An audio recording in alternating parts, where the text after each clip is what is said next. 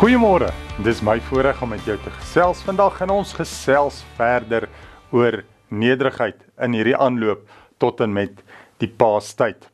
Nou vandag, wanneer ons oor nederigheid praat, dan wil ons praat oor Jesus wat sê hy is die weg en die waarheid en die lewe en die tema van vandag is 'n kaart vir die reis sien as Jesus die weg, die waarheid en die lewe is, dan is hy tog sekerlik die persoon wie vir ons die beste kan sê hoe hierdie padkaart moet lyk.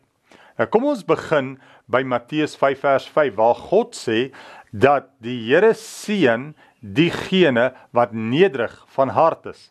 En dan sê hy, hulle sal 'n erfenis ontvang, hulle sal die aarde ontvang. sien Jesus wil hê ek en jy moet leer om te kan nederig wees en wat is die belangrikheid daarvan?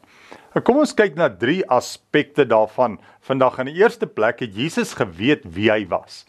Jesus het nie staat gemaak op wat mense gesê het hy is nie omdat hy geweet het sy Vader het gesê hy sy geliefde seun en sy Vader het vir hom gesê wat hy gaan doen. En dan kan ons sien wanneer mense hom uithaal en hom lelik behandel, dan is hy glad nie op 'n plek wat hy homself verdedig nie want hy weet wie hy is.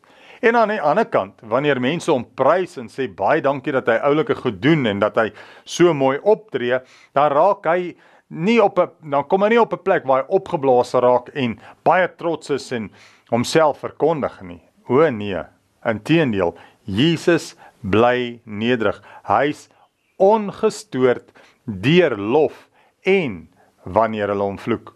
Die tweede aspek is hy was 'n vriend van tollenaars en sondaars. Nou die ouens wat hom uitgehaal het hieroor was veral die slim ouens, die die fariseërs en die skrifgeleerdes, die manne van die tyd, die manne wat die hooggeplaastes was.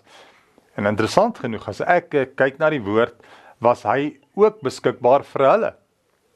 Hy was ook vriende met hulle alhoewel hulle hom eenkant gehou het en hom name genoem het en gesê het hy's 'n vriend van tollenaars en vriende. En ons kan agterkom eintlik wou Jesus gehad het daar moet 'n brug gebou word en hulle moet by mekaar kan uitkom.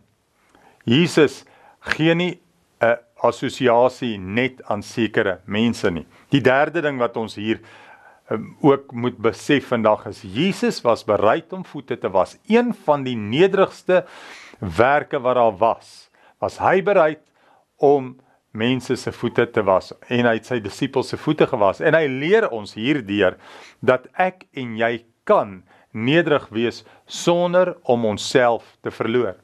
Wil jy nie in hierdie week ingaan en met hierdie tipe nederigheid, hierdie padkaart van Jesus leef en leef soos wat hy gewys het, ons kan leef nie. Let op sy nederigheid en bewys dit aan iemand anderste. Geseënde wees vir jou verder.